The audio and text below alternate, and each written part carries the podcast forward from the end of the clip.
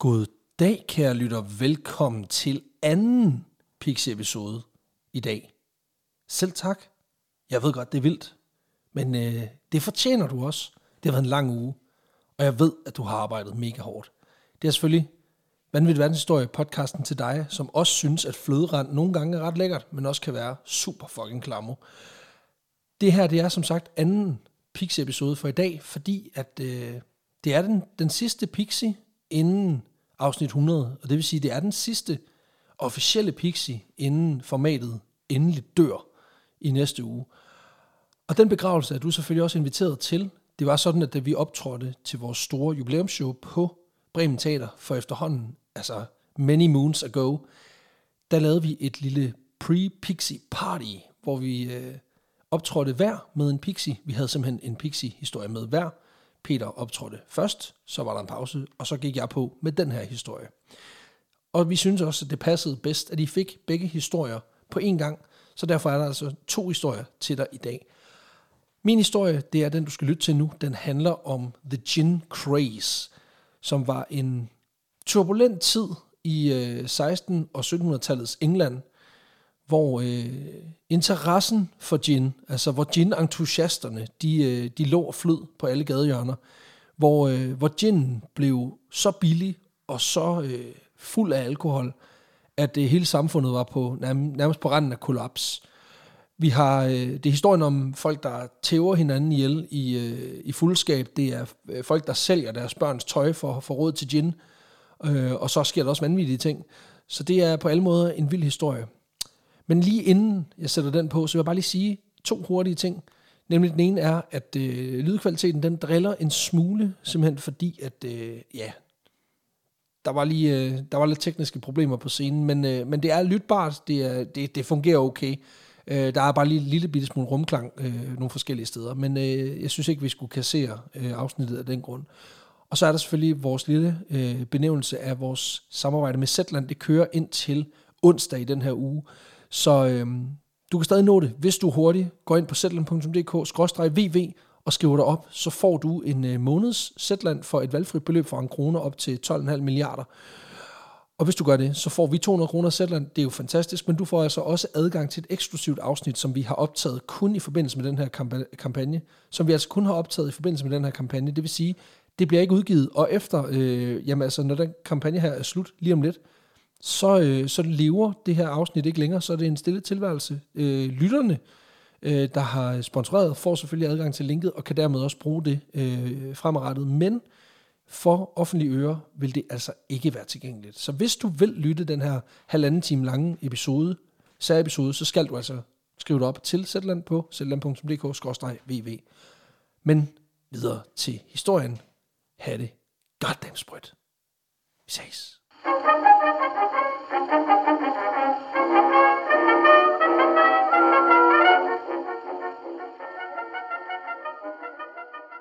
Jamen, øh, velkommen til anden afdeling til en ny Pixie. Den sidste Pixie.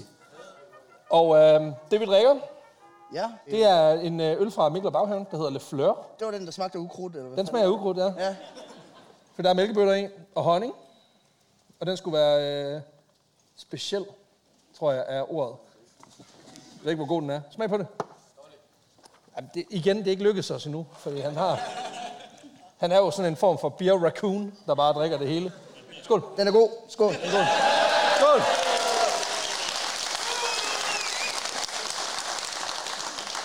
Det er, så, det er så mærkeligt, at det er blevet en ting. Altså, det er sådan, altså, Men det er blevet en ting. Nogle gange så møder jeg folk i byen, der kommer op, og så stikker de mig en øl, og så er de bare lidt sådan... og det er bare sådan, altså, no, man føler sig lidt nogle gange som sådan en, en klovn, hvor det er sådan, say the thing. altså, hvor det er sådan, nej. det er nogle gange bare sådan, tak mand. Ah, hvad er det nu, hvad, hvad er det nu, du plejer at sige? Mange tak. Altså, altså, altså, altså åh. Men Peter, kan du ikke lige være sød at introducere podcasten ordentligt? Hvad er det for noget, og hvem, hvad hedder vi? Jamen, øh, jeg hedder Peter Løde. Jeg hedder Alexander Janko. Nogle gange også kendt som øh, Greta Chulopopop. Jeg var selv i tvivl, kan I godt. Der er nogen, der spørger, har du skrevet ned på forhånd? kan I ikke høre det? Altså, kom on. Come on. Nej, prøv at høre, det er mig, der har historien med. Ja. Det er jo en pixie, så vi skal i gang, og vi er fucking over tid, og alt er kaos. Men prøv at høre, jeg har en historie med til jer. Og jeg skal ærligt nu om det var mildest talt noget, er umuligt at finde ud af, hvad, altså, hvad fanden laver man til sådan et arrangement her, fordi, altså noget med folk, der bliver spist åbenbart. Men, men jeg tænkte, vi er nødt til at finde et eller andet, der passer den her lille intime setting, hvor vi alle sammen er. Og det har jeg overhovedet ikke tænkt, når jeg tænkte bare, åh oh, fuck, man, han blev spist, fuck, hvor nice. Jeg valgte noget andet, fordi jeg har endnu en gang øh, kigget dybt i flasken, fordi vi skal snakke om sprut. ja, okay. Ja, another time. Ja, og det er jo noget, vi danskere kan forholde os til. Sådan virkelig. Mm. Øhm, men der var faktisk en tid, hvor vi blev overgået af vores svagt drikkende øh, naboer mod vest. England. Englænderne. Simpelthen. De dumme svin. Præcis. Øhm, sidder en viking deroppe, kan jeg høre. øh, for tilbage i 1700-tallet, der var alkoholkulturen i den stolte nation, den var sådan lige til den friske side. Okay. Øh, gaderne, de flød med fuld rækker, og hangen til sprit var så massiv, at folk vidderligt solgte altså alt, hvad de ejede, for at få råd til en shoes. Og det, det lyder Ligesom som en joke. Det er en noget, som er sådan, har, har, har. Det, det er sådan lidt, det, ja, ja, har, har, de sælger alt. Og jeg mener det, de sælger alt. Men det kommer vi til. Okay. Øh, for jeg vil fortælle jer historien om The Gin Craze i 1700-tallets England. Men først skal vi lige et stykke tilbage i tiden. Vi skal tage 1980, øh, 1680'erne, Ja. hvor England, lidt som i dag, vælter lidt rundt, egentlig. Kaotisk tid. øhm, problemet er primært den siddende regent, James den anden, som er lidt i unåde i det engelske samfund, mm. øh, af flere grunde. Men en af de sådan, største ting, det er, at han har tilladt sig at være troende katolik i, i et land, hvor størstedelen af englænderne er pro- øh, protestanter. Og det giver nogle gnidninger. Heldigvis så har den protestantiske elite i England, de har et S i ærmet, øh, i form af den hollandske konge, Willem den 3. af orange. Er orange. Af orange. Okay. Fordi han er ung, han er sprød, han har alle de Han er gode orange, værdier. ja. Han er orange. Lidt Trump, men stadigvæk. øh, han har alle de gode værdier, fordi han er primært, så er han kæmpe protestant. Og der er de sådan lidt, ham skal vi have fat i, ham der. Øhm, og det kører ret godt for ham også, fordi han øh, sidder ligesom på Holland, som på det her tidspunkt har gang i sådan noget, sådan noget lækker kolonisering. Ja. Og man sådan lige får, øh, får hævet noget vens- velstand ud øh, af nogle, nogle stammefolk på bekostning af, Af en rigmandssøn, har. ja. øh, ligger og bakser med. Det seneste skud på stammen på det her tidspunkt, det er, det er Sydafrika. Ja. Og det er de ret meget op at køre over og køre over. Øhm, så det er sådan, de går bare rundt og high-fiver. Sådan, yes man, indigenous slaughter, yes. Racial genocide. De er helt op at køre. Og Hvorfor er det i begge vores historier, der er der Ja, hollænder, men- der undertrykker stammefolk? Jamen, altså, Det er lidt ligesom, øh, jamen, vi har nogle temaer, ligesom flyselskaber, der ikke kan finde ud af at reklamere for deres shit. Altså, der er, sådan, der er ligesom nogle, nogle temaer i den her podcast, det ved ikke, om du har lagt mærke til efterhånden. Øhm, nej, men, men øh, det, er jo, det er jo fedt, og protestanterne, de sidder og kigger over på det og siger, "Hold kæft, hvor vil vi gerne have en, der bare myrder. Altså folk, vi ikke kan lide. Øhm, yes. Ja. Så sagde de også ham, den anden orange. ja, lige præcis. Altså, Det, der lidt er problemet, det er, at Willem på det her tidspunkt har det lidt stramt med englænderne, egentlig. Fordi han, han har sådan set ligget i on-off krig med dem, konflikt i hvert fald, i al den tid, han har levet. Og også i al den tid, hans far har levet. Og egentlig også lidt den tid, hans farfar har levet. Øh, de har sådan set været i krig i 80 år på det okay. Her tidspunkt. Ja. Øhm, og, og der, derfor kunne det egentlig være smart måske egentlig at få lukket pisset lidt ned, egentlig. Også fordi på det her tidspunkt, der har hollænderne også ret meget beef med franskmændene. Og der er det sådan lidt, det er mange fronter at have beef kørende på, så det kunne være meget smart, hvis jeg nu bare lige blev chef for en af dem. det er Så, klart. så har jeg to fronter at smadre. Altså det er sådan det er den Putin-taktik. Ja, ja. Øhm, men, men ja, det, det, er så, så det er det, han ligesom tænker. Så da James 2 her, han lige fucker ekstra meget op i 1687, ved at få et drengebarn, som også er katolik. Altså det kan bare ikke gøre for, men stadigvæk. øhm, så er de her protestanter i England, de er sådan lidt, nu kører vi sgu Willem ind. Så det de gør, det er, at de sender ham lige en invitation til at invadere landet. Altså de slider bogstaveligt ind i hans DM's, og er sådan lidt, prøv at høre, bagdøren er åben. Hvad, Tag våben med. hvad, så, så, så det engelske folk, Ja. de, de ringer og siger, Så er der åben, så er der åben. Prøv at høre, han kigger den anden vej. Han, han har ikke sovet, barnet skriger, barnet kunne ikke. Prøv at høre, du skal angribe nu. Ja. Okay, Så han, øh, de sender simpelthen en invitation til, at han kan komme og invadere nu. Og William, han, det er som om, han sidder lidt i en venteposition. Han sidder og tænker, hvornår, hvornår ringer de? Du ved, uh, det er spændende. Så øh, da, de, da de endelig sender øh, invitationen, så, øh, så går det ikke så længe, før han får mønstret sin her og ankommer med 13.000 mand øh, til kysterne i England. Det virker ikke ret meget, men der går ikke ret lang tid før øh, ja, øh, det meste af James 2's her, Ja. det er 30.000 mand, de lige hopper over og joiner William 3. ja okay. Hvilket også er lidt træls, hvis du er sådan en monark og tænker, det er jer, der passer på mig, så dagen efter, så er de sådan, ja, nu, vi er orange nu. Hva? Af med hans hoved. Øhm, ja, Okay. Ja, og det er, det, det, er jo, altså, det, er jo, det er jo smart. Altså, det, er, det der med, at man lige sådan bare lige hopper over på den anden side og er en del af fjenden, det kender vi jo. Det sker jo lige nu.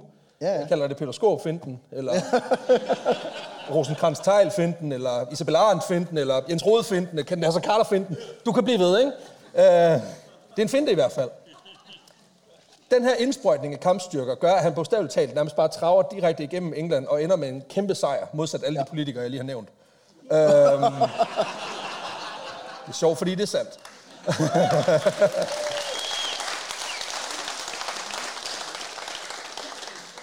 og fire måneder efter, han har indledt det her angreb, Ja. så, øh, så sidder han sgu på tronen.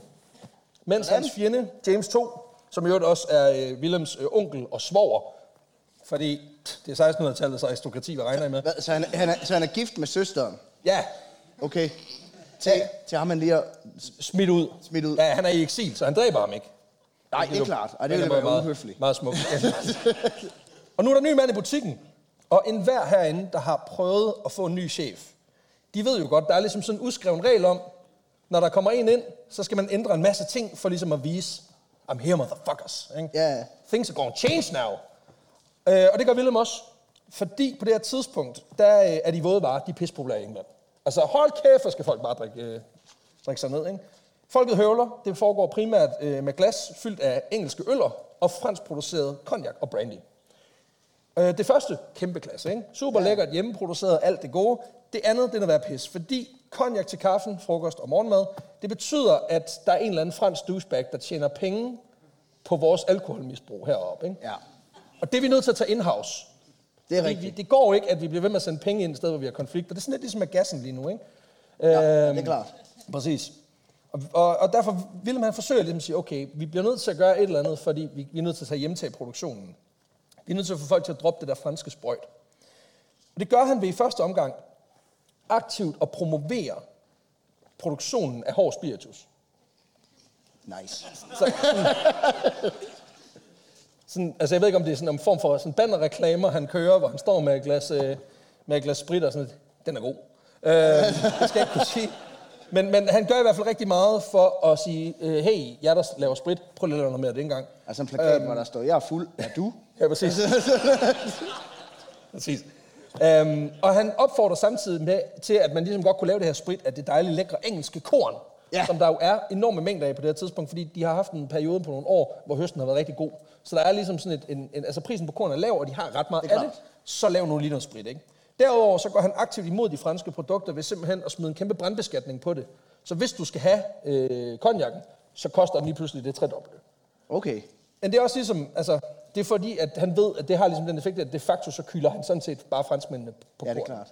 klart. Øhm, det resulterer i sidste ende i, at den her engelsk producerede sprit, den kommer ned i sådan et kunstigt lavt niveau, samtidig med, at der, altså, der er virkelig kunder til det her produkt. Okay. Øhm, også fordi den britiske befolkning står og er sådan lidt, okay, øhm, vi skal jo drikke et eller andet, og nu er kongen sådan lidt, altså, vi er alcoholics. ikke? Og de er sådan, jamen, så, så, så gør vi det, tænker jeg. Øhm, I øvrigt så er det også, jeg tænker også, det er sådan et ret fedt power move. Ny konge sparker døren ind og sådan lidt, prøv at høre, vi skal ikke miste kontrollen over vores, øh, altså, vi skal ikke give be- franskmændene penge. Nu gør vi vores egen befolkning til alkoholer, øh, alkoholikere på vores eget produkt. Ja. Jeg vil gerne ofre min, altså sundheden for mit folk, for at franskmænd ikke skal tjene Det penge. vil nok, at du når, du når lige at få røven i sædet, det første råber der, gratis omgang! Ja, altså, det, Han kommer bare ind og ringer med klokken, ikke? Altså, det er godt. Det, der lidt er ikke så godt ved det her, det er, at det åbner en uh, gedin ladeport af problemer. Uh, Åh, for helvede. ja, især i London, som på det her tidspunkt huser uh, på den anden side af 500.000 indbyggere, hvilket i slutningen af 1600-tallet er, et- det er en rimelig stor by. Ja, det er rimelig mange. Ja, præcis. Det er 12 gange Randers. Ja, nu gør jeg det selv. Er det ikke mærkeligt? Mm. Øh. Og nu siger du, at, Ja. at de her 500.000, de er jo relativt glade for at drikke. Ja. Ja. Det, som de 500.000 drikker, det er jo faktisk præcis det samme, som de drikker i Randers. Ja. Det er meget tæt på hæv. øhm, og der er altså øh, rigtig, rigtig mange, der, der ligesom gerne vil drikke. Øhm, Ja. Og selvom det i første omgang er destillerierne, der ligesom har kontrollen over, hvad der bliver lavet af produkter, så forsvinder den kontrol forholdsvis hurtigt. Fordi i 1690, der fjerner øh, regeringen og kongen monopolet fra destillerierne, så åbner det ligesom op for, at andre end dem, der lige nu producerer sprit, så nu kan de fleste producere sprit. Og i starten af 1700-tallet, der fjerner man alle begrænsninger. Okay, så de fjer... De, hvad? Så producenterne har monopol, fordi Ja. de, det er jo dem, der, Ja, det er dem, der laver det. til at lave det. Og nu er de bare sådan, ja, ja, men Flemming han kan bare stå og lave det hjemme i, kø- i køkkenvasken, det er ligegyldigt. Eller hvad? Præcis. Okay. Det, der sker, det er, at, at, at på en lille periode på 15 år, der går man fra, at det er nogle få, der har nogle licenser, har noget, har noget tryghed og noget sikkerhed omkring produktet, mm. til at det er vidderligt Henning, der kan stå derhjemme og okay, så er det Gunslinger City. Fuldstændig. Ja. Jeg ved ikke, om I kan fornemme, at det er et problem. Nej. Nej, nej, nej. Igen, dansken ved, hvad vi snakker om. Ja, Alle har en onkel, der gør det, ikke? Øh, ja, præcis. jeg ved, der er nogen, der har kørt ind fra skærn i dag, så I know. Men- Øh, Man kan, jo, man kan jo sætte det lidt ind og sige, sådan, det er lidt ligesom, at nu, der har vi noget, der hedder smiley-ordningen, hvor man ligesom sørger for, at restauranter, de overholder en eller anden form en eller anden form for krav, hænder. ikke? Ja, det der, det svarer så lidt til, at man siger, nu kan alle gøre det, også øh, Camilla Plum, jamen du kan gøre det bare, altså... Øh, jamen, har du pølle på fingeren? Det er ligegyldigt, Camilla, du, du sælger bare. Det er en god lasagne. Ekstra smag. Det er lækkert. Ej, men det betyder altså også, at da der ligesom bliver åbnet op her, så er der mange, der begynder at producere. Ja, det er klart. Øhm, og primært så falder valget af øh, spiritus på ginproduktion. Gin er reelt set bare en basisalkohol, øh, som først bliver destilleret meget stærkt, altså op mm. omkring 70-80 procent. Så bliver den fortyndet ned, og så bliver der tilsat smagsnoter øh, af forskellige urter, men primært af enebær, som ligesom giver den her smag. Ja. Det er det, der definerer, om det er gin, der er enebær i, blandt andet. Okay. Inspirationen til det valg kommer formentlig fra kong Willem selv, som øh, har hævet noget med hjemmefra. Øhm, fordi i Holland, der er der en, øh, en enebærsmagende brændevin, der hedder Genever, som han er ret glad for. Og så siger han ligesom, hey, I kunne prøve med det her.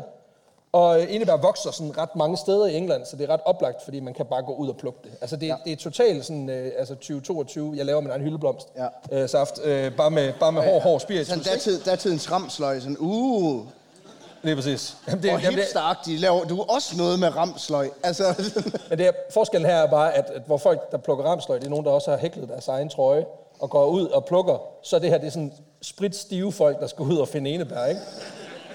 Hvilket også kan noget, altså det... Det er bare der, er større, der er et større overlap mellem folk, der hægter deres eget tøj, og spritstive folk, som, end du lige tror. ja, det tror jeg. Ja. Om jeg har en sønderjysk mormor, så ja. Øhm, og hun kan jo med. Altså hold op. Nå, Hun kan fandme hækle. Præcis. Ja, det tror jeg faktisk ikke, hun kan. Det andet til gengæld. Nej, men øhm, ret hurtigt, altså det er ligesom nu er defineret, det er sikkert det her sprit normalt er. Altså gin omkring 40 procent, når det er færdigt, mm. smager enebær. Ikke? Ret hurtigt, så begynder folk at blive rigtig kreative. Okay. Både med øh, smagsnuancer, men også i forhold til alkoholprocenten. Fordi normalt gins holder omkring de der 40, men hvorfor egentlig? Altså, hvorfor gider for tynden? Ja. Altså, øhm, ifølge historiker Mark Forsyth, så bliver det ret hurtigt udbredt, at gins, de, de godt holde 70 procent. Øhm, det er ikke... Ja, præcis. Det er ikke standard, men det er meget almindeligt, at folk de rykker på den her måde. Ja, okay. Men udover at gøre ginen stærk, øhm, så kan det også være, at den lige er lidt giftig også. For spændingens skyld. Det, der sker, det er blandt andet... At den, Spændingens skyld. Ja. det, der sker, det er blandt andet, så begynder folk at anvende smagsgiveren øh, terpentin. Øhm, fordi den giver sådan en lækker nåle, nåle, altså fyrnålsmag. Øh, ligesom der også Det er er også rigtigt, og du har ikke noget plak tilbage, når du har drukket det. det er super, altså, Øhm, et andet udbredt eksempel, det er, at man finder en del eksempler på, at folk de, øh, de lige spiker den lidt med noget svovlsyre. Øhm, og i øvrigt, det virker sindssygt, fordi det giver ret voldsomme tømmermænd. Mm. Altså også fordi terpentin og svovlsyre begge to, det er virkelig giftigt. man kan sige, det giver lidt en nyt, altså, giver en ny betydning til øh, de der små suger. Ja. De er rigtig sure.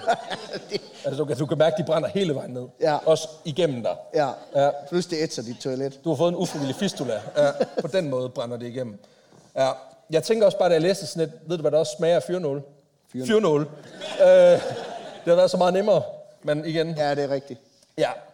Øhm, det sker også, og er ret udbredt, at øh, folk de fucker processen en lille smule op, hvilket også gør, at der lige kan snige sig lidt metanol med ind, øhm, ja. Som både kan blinde og slå folk ihjel. Ja, Men mindre man har, ja. ja, præcis. Men mindre man har Michael Malloys gener, som gør, at det ikke bider på en overhovedet. Ja. Øhm, jeg tror, at tell det er, hvis du sidder og bare spiser skruer og søm i din sandwich. Og du egentlig tænker, crunchy. Ja, præcis. præcis. Øhm, Ja, så, så der, der, der er en del her, der, der, der giver nogle, nogle problemer. Øhm, og det er sådan lidt, det er problematisk, fordi Londonerne er virkelig glade for at drikke. Ja. Øhm, og resten af landet er selvfølgelig også glade for at drikke, men det er i London, problemerne bliver meget tydelige, fordi mm. det ligesom er så stor en befolkningsgruppe. Øhm, og det der med, at de selv lige kan bakke det, bakke det sammen, som om det var hyldeblomsaft, det, det, det, det gør ikke tingene bedre. Ifølge nogle estimater, så producerer op imod 25 procent af husholdningerne i London deres egen gin. Og det betyder også, at indtaget det eksploderer. Fordi ja. det er jo ikke sådan, at jo, folk laver til husbehov, men man, altså, hvis du skal lave 30 liter, så laver du 30 liter. Og så sælger man ligesom af overskuddet. Og okay. det betyder så også... De går, de går så pusher det til hinanden. Altså, Ja. Når der er et sort marked af gin. Nej, det er ikke et sort marked. Nej, det, okay. det er bare et marked. Det er bare den blå avis.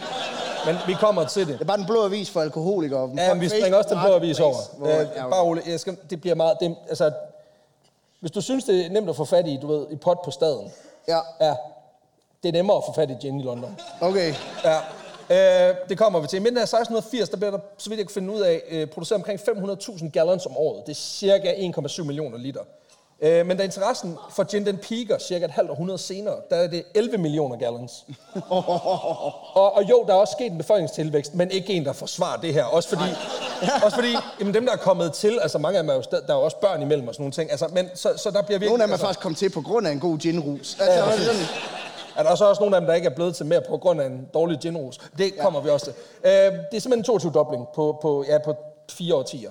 Øhm, og en stor del af det, det bliver altså lavet og drukket i London. Og det giver også god mening, fordi det er en by, der ligesom eksploderer i tilflyttere, som primært kommer fra de små bysamfund, mm. hvor alle kender alle, og alle hjælper alle. Og nu står man lige pludselig i en stor anonym storby og kæmper egentlig med en ret hård hverdag, fordi mange af de her mennesker kommer jo til i håbet om at få et bedre liv. Men jobs er svære at få fat i. Mange bor i en bebyggelse, hvor man bliver stuet sammen 6-10 mand på et lille værelse. Ja. Øhm, bor i sådan nogle store, meget, meget ufrivillige kollektiver, øhm, hvor der cirka er lige så klamt. Øh, og det, så er der det ligesom- lyder faktisk totalt ligesom, da jeg boede på kollegie. Ja, præcis. Altså, der, øh, der var der heller ikke nogen, der havde et arbejde, og vi lavede også gin, og, øh, og det, der var værd. Træsprit, Der og kan også tisse, eller... også For- ja, en gang imellem. Jeg går lige ind og snakker i metroen, som man siger. øh, det her sociale netværk, der, der er ude i, i landsbysamfundet, det eksisterer stort set heller ikke i, i byerne her. Nej. Øh, især ikke, fordi de er nytilkommende. Øhm, og så kan man sige, så kan en dram at hygge sig med til ligesom at tage nerverne, det kan lige pludselig virke som en rigtig god idé. Ja, ja. Øh, det er bare lidt en uheldig kombi, når man ikke er hærdet til at drikke. Øhm, og det betyder, at London bliver et, ja, bliver et rimelig rowdy sted. ja. Altså, ja. Jamen, det er rigtigt. Altså, det minder sådan, det, for mig, der, det kom, altså, da jeg læste på, hvor voldsomt det her er, så kom jeg til at tænke på dengang, jeg skulle til første efterskolefest. Hvor jeg virkelig skulle bevise, at jeg kan fucking Hvor drikke. var det henne? Øhm, et, et, et, øh, hvad hedder sådan et, øh, et, et forsamlingshus i, øh, i Horsens, sådan noget. Det der, det der, det er en mand, der lige har mistet 90% af sine jokes. I told you. Men det bliver meget randersligt om lidt, bare roligt. Det, der sker, det er, at jeg tænker, jeg skal ligesom, jeg skal ligesom bevise mit værd, så jeg drikker 12 øl, inden vi spiser. Ja. Sådan. Nej. For det der, det, der så sker, det er, at jeg drikker cirka 6 eller 8 øl, mens vi spiser. Og så er jeg færdig. Ja. Øh, og på det her tidspunkt, Det var har ligesom jeg... at være hjemme og spise med min morfar. Ja, ja præcis, præcis. På det her tidspunkt har jeg kontrol over mig selv, og jeg får, der er nogen, der tror, jeg skal kaste op, så de hiver mig ud på et toilet. Okay. Og så på et tidspunkt, jeg står op, og så er de sådan lidt, han kan godt stå selv, så de slipper mig. Problemet er, at øh, den, der har mig, det skulle være mig. Jeg har ikke mig. Så jeg falder med hovedet først på vej ned mod toiletkanten, og er i gang med at give mig selv en smiley fra American History X. Indtil der er sådan en, der bare der når ud af øjenkrogen og se det her, det sker, så han når bare lige at tage mit hoved og stikker mig en kæmpe lussing. Så jeg ligesom, du ved, dodger toiletkummen og bare går i gulvet. Men til gengæld beholdt jeg fortænderne. Så det her, det er en vinderhistorie. øhm, Det vildeste er, at jeg er ikke... Nu, den- hvor, nu hvor du fortæller den historie, man siger jo meget om englænder og deres tænder, ikke? det forklarer en del ting. Også hvorfor der, De har ikke haft nogen til lige at stikke min lussing. ja, præcis. hvorfor der også forklarer, hvorfor der er tandmærker på alle toiletbrædder. ja. Det vildeste er, Jeg at kan ikke gå på et toilet, uden er gnavet i det. Det er pisse irriterende. Præcis. Det værste er, at jeg var ikke den fuldeste til den fest. Der var en, og det er no joke, hun bliver sendt til udpumpning, stikker af, får en ven til at hente sig, kommer tilbage til festen.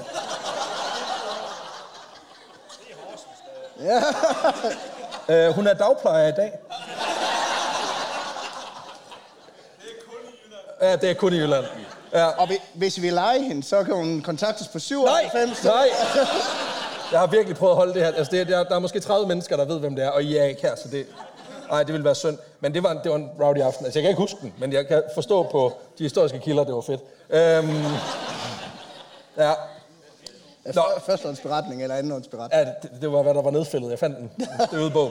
Nej, men efter en stille begyndelse i slutningen af 1600-tallet, så begynder forbruget for alvor at tage fat op igennem 1710'erne og 20'erne.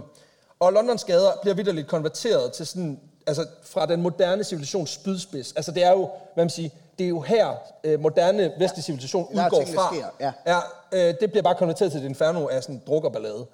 Øh, altså det er sådan, det er sådan altså Annegade i Olderen, bare hele tiden. Øhm, ifølge en kvinde fra samtiden, så har gin også en vital funktion, både i livet og i samfundet. Og nu citerer jeg, vi kvinder arbejder hårdt for de ting, vi har. Og uden gin vil vi ikke være i stand til at holde sammen på krop og sjæl. Det er et produkt, der sælger sig selv der. Altså, øh.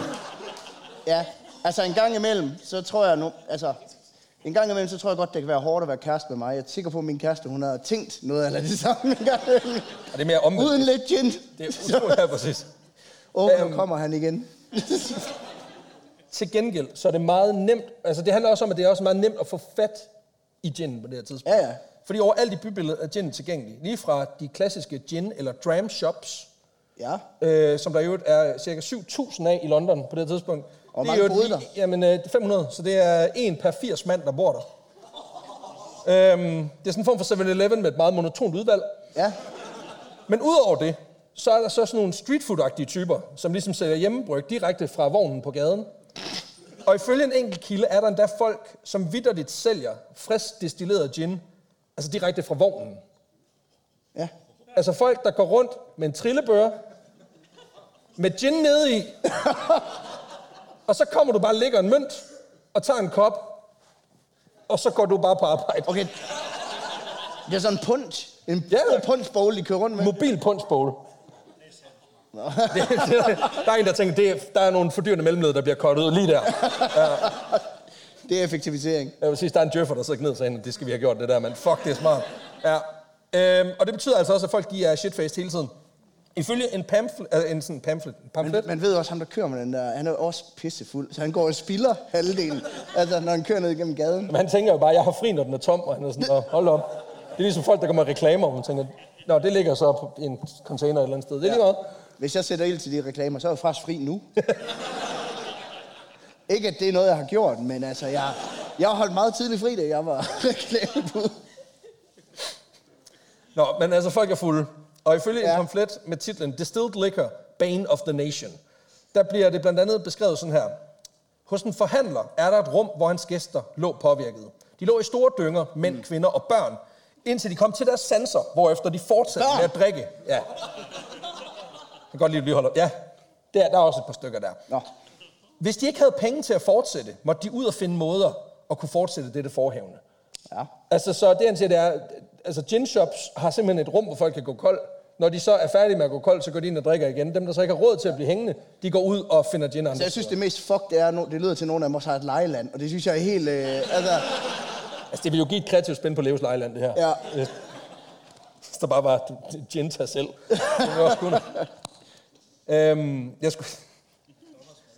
Og igen, det lyder sindssygt, det lyder vo- voldsomt, men nu ved jeg jo, du er jyde, og nu kommer jeg lige med et jysk argument. Okay, Det kan godt være, det er giftigt. hit me. Det kan godt være, det er farligt. Det kan godt være, det er fordummende. Who gives? Men Peter, Ja. det er nemlig virkelig billigt.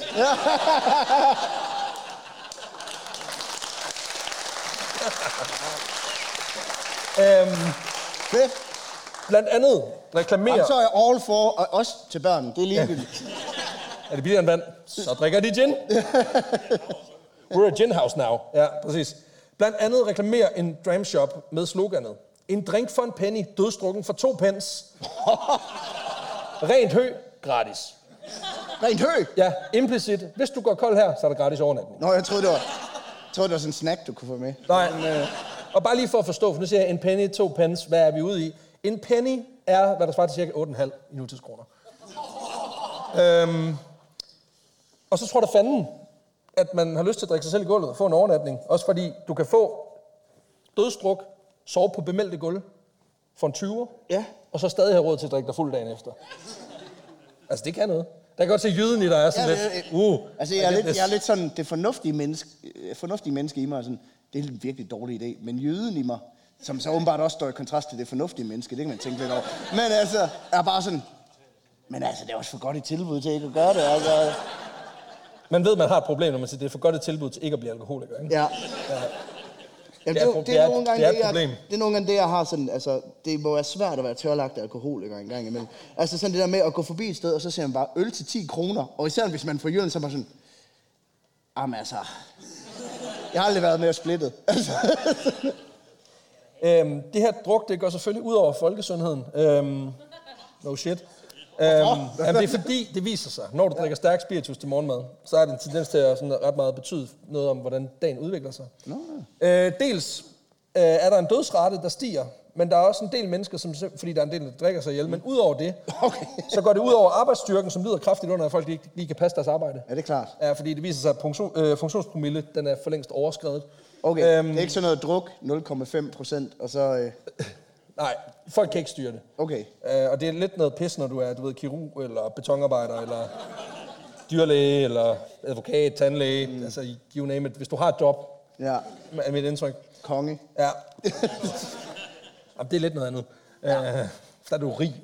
Så. Og det er rigtigt, ja. det er rigtigt, så må man godt. Ja. Men den her drukepidemi, den rammer især kvinder ekstra hårdt. Øhm, for et massivt gin-misbrug er ikke skide forenligt med at dels at være gravid, men heller ikke øh, med at være forældre. Øhm, især ikke, altså det, nej, men, og jeg, jeg taler af erfaring her. Nej, det gør jeg ikke. Øh, nej, men jeg kan godt regne ud, at du ikke er den bedste forælder, hvis du er fucking fuld hele tiden. Ja. Ja. Det kan- ah, jeg kan godt lide, at der er nogen, der trækker på det, men øh, jeg håber ikke, I har der børn. forklarer du så også, når, for det havde jeg tænkt over. Altså, der forklarer du også, hvorfor du har børn, og jeg ikke har. Ja, det er det. Det kan jeg slet ikke. Der er nogle ting i mit liv, der ikke går op. Ja. Op igennem øh, 1720'erne og 30'erne, der kæmper London faktisk med en, bas- med en massiv børnedødelighed, hvor op imod 75 procent af børnene, de simpelthen dør, inden de bliver Ej, fem. det var da afskyeligt. Og det er, der, der har gin altså også en, en del af skylden. Dels fordi kvinder simpelthen ignorerer deres børn i jagten på mere gin, øh, men også fordi børn lige kunne få gin serveret, fordi de bliver så dejligt rolige af det. Øhm, og nu, nu er jeg jo far til to. Og selvom de begge to kan skrige af et godt hjerte, Ja. så har jeg alligevel aldrig overvejet at gå ned og hente flasken med Tanqueray. Øhm, de kan lige få et skud beefeater, det er fandme- det er for dyrt. Altså, præcis. Det giver ikke mening at hælde altså, ordentligt sprut på nogen, der ikke kan sætte pris på. Nej. Så, jeg, så jeg, jeg henter en Det Finsbury Bombay eller et eller andet, øh, præcis. De kan få noget Bombay, Bombay Sapphire eller et eller andet. Det, den Tangerine, den holder jeg for mig selv. Øhm, Udover de her ret alvorlige problemer, så kommer der naturligvis også en del mere vold og uro i gaderne. Ja, det er klart. Øhm, hvilket er uheldigt i en tid, hvor mængden af politi ikke er. Øhm, der er ikke rigtig nogen. Der er, der er fire. Der er Og fire det- og- betjente. Ja, ej, det er der ikke, men det, det, det, altså, det er virkelig sådan, det er latterligt lavt. Okay. Øhm, så der er randerstemning hele tiden. Øhm, Det er ikke politi, det er politifier. Det er altså... nej, nej, nej, nej.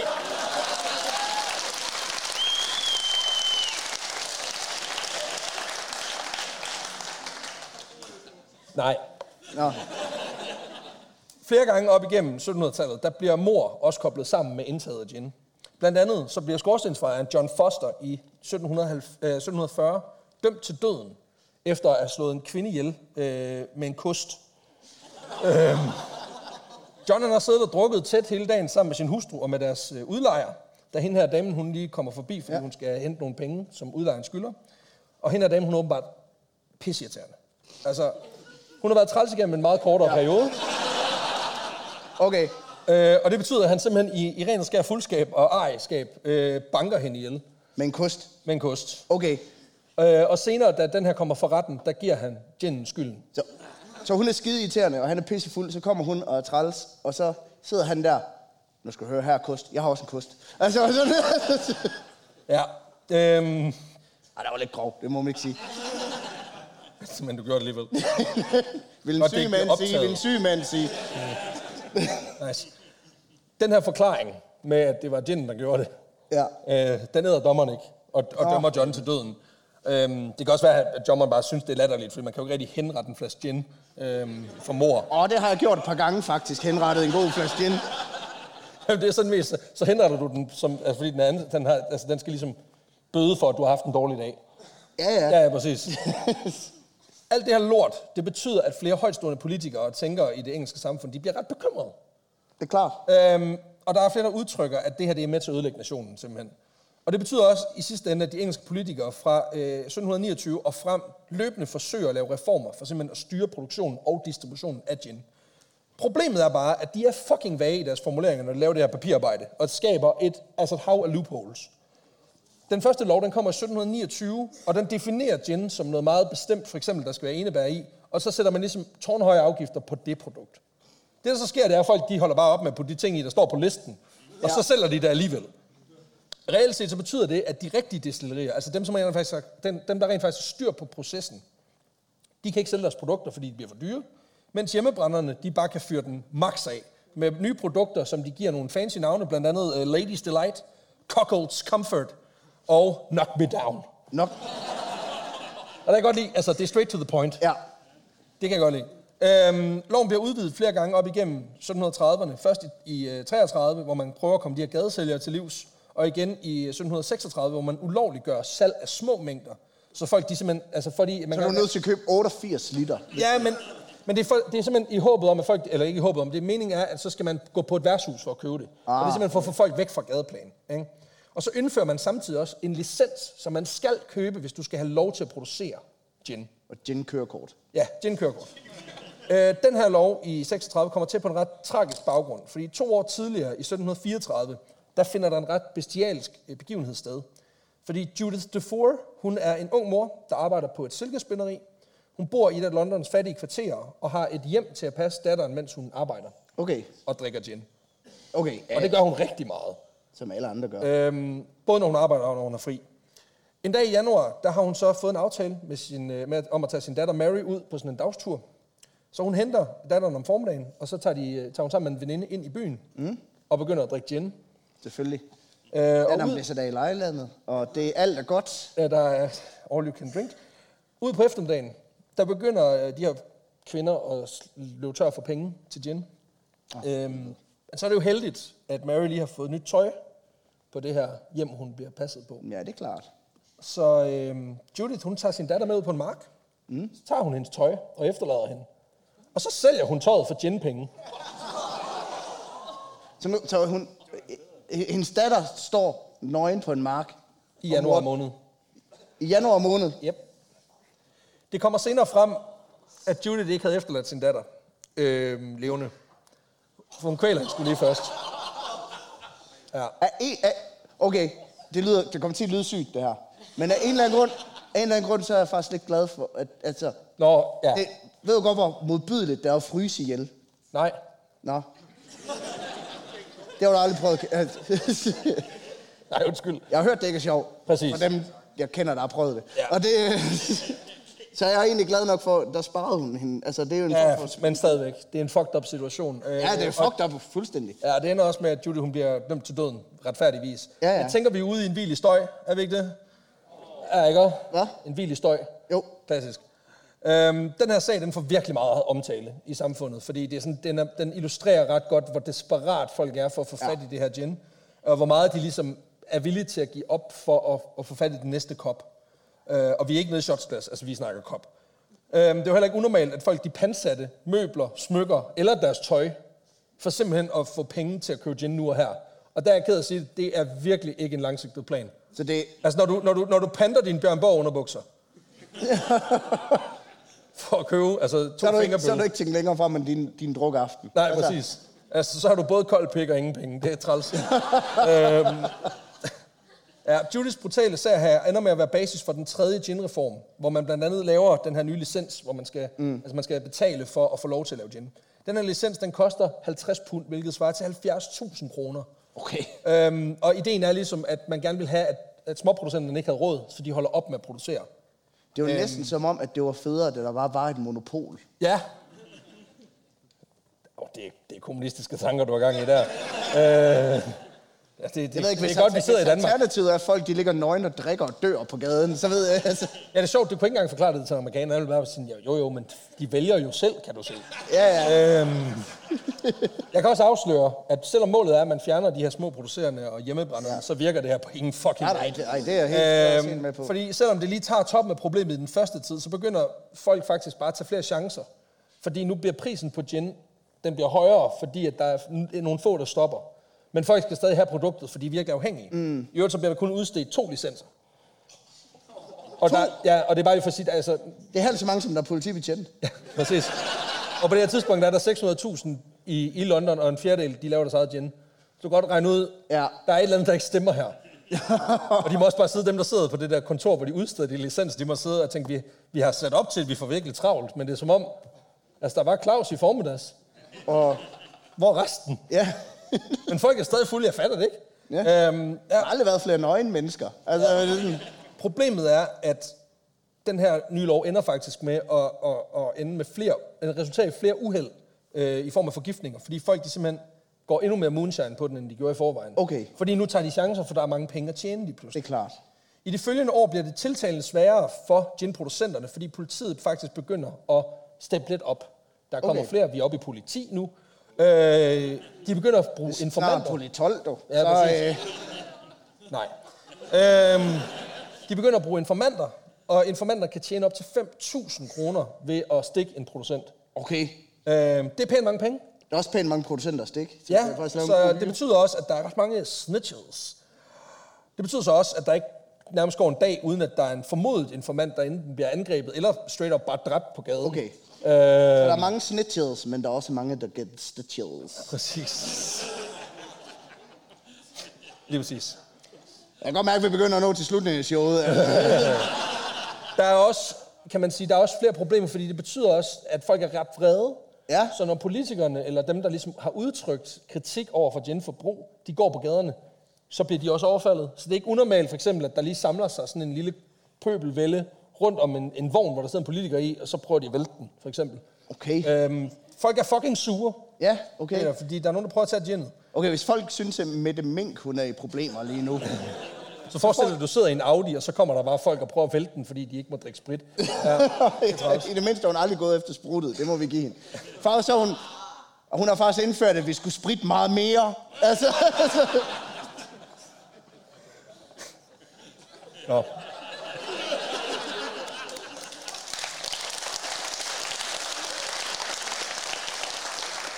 Og på en eller anden måde, så er det mindre giftigt, end det gin, de drak dengang, ikke? Ja, ja. Ja. Jeg har smagt det. Det smager virkelig dårligt. ja. ja der er lige den der, der smager tequila, den er god. Um, I 1738, der kommer den femte reform, og den giver altså meget strengere straf, hvis man for eksempel overfalder en informant. Okay. Øhm, og så kommer der andre, en masse andre småregler. Men der er stadig loopholes. Og det opdager en fyr, der hedder Dudley Bradstreet. Han er irsk immigrant og har en fortid som brygger i Irland, men er nu kommet mm. til London for at, at, at finde lykken. Og han mangler ligesom et eller andet at rive i. Han finder ud af, at politiet de ikke har ret til at rense et hus, hvis huset er aflåst. Ja, ja. Nå. Og hvis man som informant skal angive en ginsælger, så skal man have både navnet på personen og adressen. Det skal ja. fremgå af, af, af anmeldelsen. Okay. Og lige de her to ting, det betyder også, at der opstår et lille smuthul i loven, som Dudley han udnytter for hårdt. Fordi det, der sker, det er, at han får en kammerat til at lege et hus i det vestlige London. Ja. Så leger Dudley det af vennen, Og og, flytter ind i ly af natten. Ja. Så nu er han inde i huset, Ja, ja, men der er ikke nogen, der ved, hvem der bor der. Smart. Fordi det, der står på adressen, er noget andet end ham, der er der Det er klart. Øhm, og der er ikke nogen i området, der ligesom har en idé om, hvem der bor der. Med sig, der har han et kæmpe lager af gin. Så har han mad nok til en måneds tid. Og så har han sat lås på alle vinduer og døre i det her hus. Og nu vil han til at sælge gin herindefra.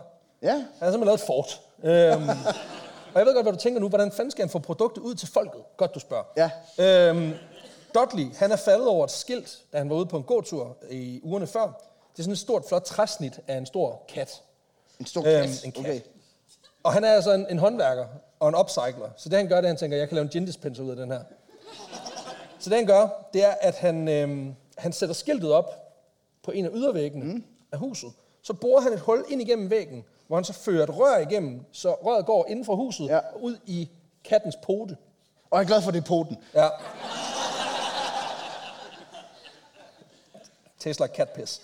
øhm, ved kattens mund får han så lavet en sliske, som ja. man kan smide mønter i, og så lader han det ellers sive, at man kan få byens bedste gin, hvis man lige tager en snak med katten på Blue Anchor Alley. Okay. Øhm, og det virker som en sindssyg plan, fordi hvem fuck er det, der gider at drikke og købe gin fra et hul i en væg? Det viser sig så. Det er der pænt fucking mange, der gerne vil. Der er folk, der boller et hul i en væg. Altså, folk, de... Øh... Så det jeg hørte dig sige, det at han skulle bare lave fire huller ved siden af også. ja. øhm, han sætter det her i søen, og så sidder han sådan set bare dagen efter og venter og tænker, det er en sindssyg plan, hvad fanden har jeg lavet? Der går tre timer, så øh, kommer der den første forbi, Ja. dumper en, en øh, mønt igennem munden, og så står der altså på en, en makker på den anden side, og han siger, Puss, give me two pennies worth of gin. Han snakker til katten. Øh, Dudley, Han han også får, fået rigeligt Jenny for. Ja, præcis. Dudley han får målt øh, de her mængder af, og så hælder han ginen ud gennem røret til manden, som står på den anden side, og vidderligt sætter munden til røret, og bare drikker ginen direkte af væggen. Gin! Præcis. Og det kan godt mærke, det bliver en ny ting, det der. Øh, bare alt og bong. Hjerne, bong! Præcis, det kan noget. Han sælger for 6 shillings den første dag, svarende til cirka sådan 500-600 kroner. Det er da okay. Ja, men skulle lige isoleret set er det mange penge? Nej. Er det meget, når du sælger bootleg sprut igennem et hul i en væg? Ja, det er pænt fucking mange penge. Og det kører Øhm, på word of mouth. Ja. Præcis. Også bare det der med at forestille dig, at du skal sælge for en plovmand beefeater igennem et hul i en væg. Altså, måske i Aulum, men ellers ikke. No chance. Dagen hvis efter, jeg går derned, hvor folk de boller hul, så kan jeg godt... Øh... når du tænker, så kan de lave to ting på en gang. Ja. Ja, smart. Det var vast en dårlig smag sovs når du skal hjem og noget. kysse konen, dit svin. Dagen efter, der sælger han for 30 shillings, 3.000 Ja. kroner. Og et par dage efter, der ligger han stabilt på 5.000 kroner om dagen. Det er den irske metode, som man kalder den. Ja.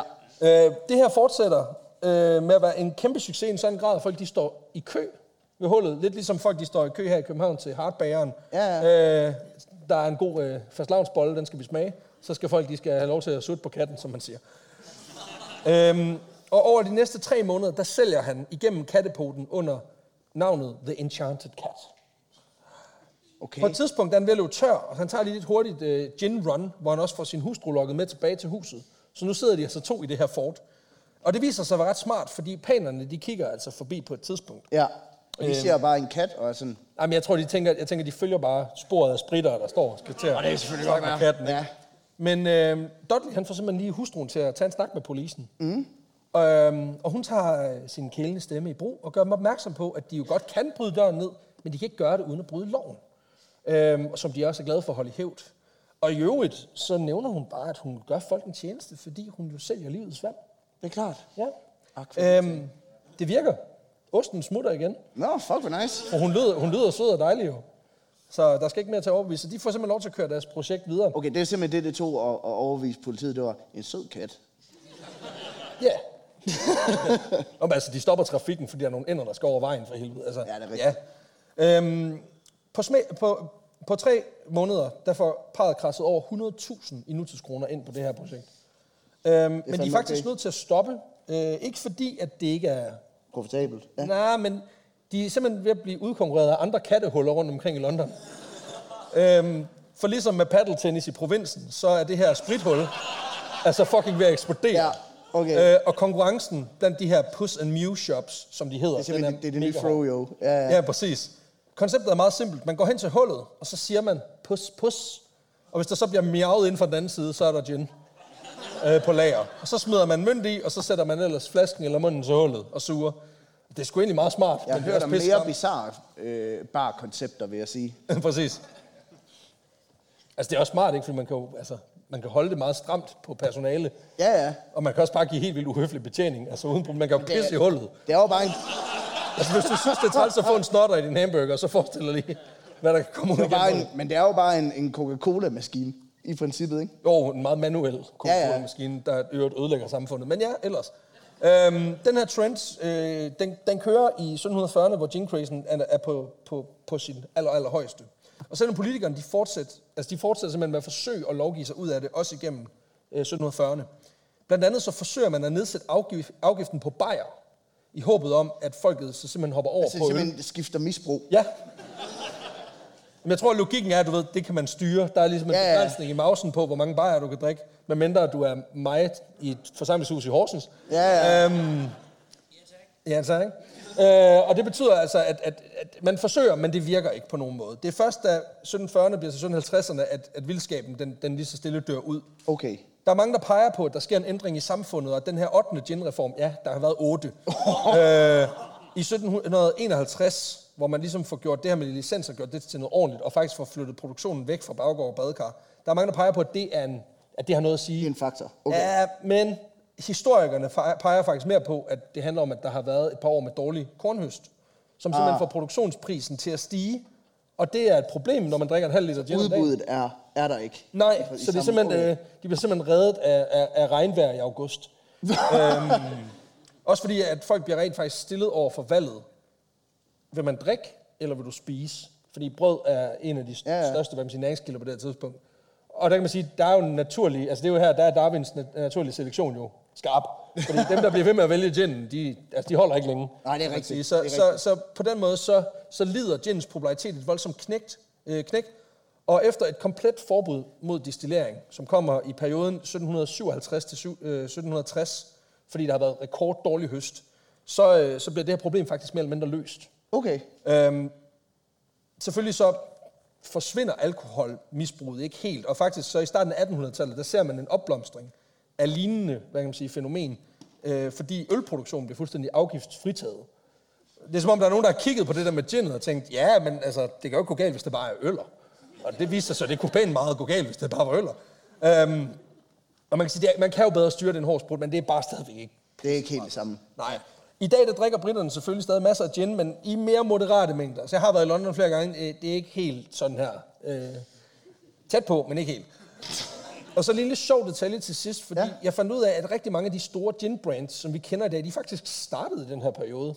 Øh, så sådan noget som Finsbury, Gordons og øh, All Greens og sådan noget, de er stiftet i den her periode. Plymouth Gin kommer også til Okay. senere. Så, så ud af, hvad kan man sige, De her en køkkenvask i øh, ren... Altså, Lige præcis. Altså, det er serveret gennem kat. Ja, præcis. Og så, okay. Det startede som bathtub gin, serveret igennem en kattepot, og i dag, der kan du købe det i alle 7-Elevens. Lige præcis. Og det var simpelthen historien om dengang britterne gik fuldstændig amok i de vådeste af alle varer. Ja. Tusind tak.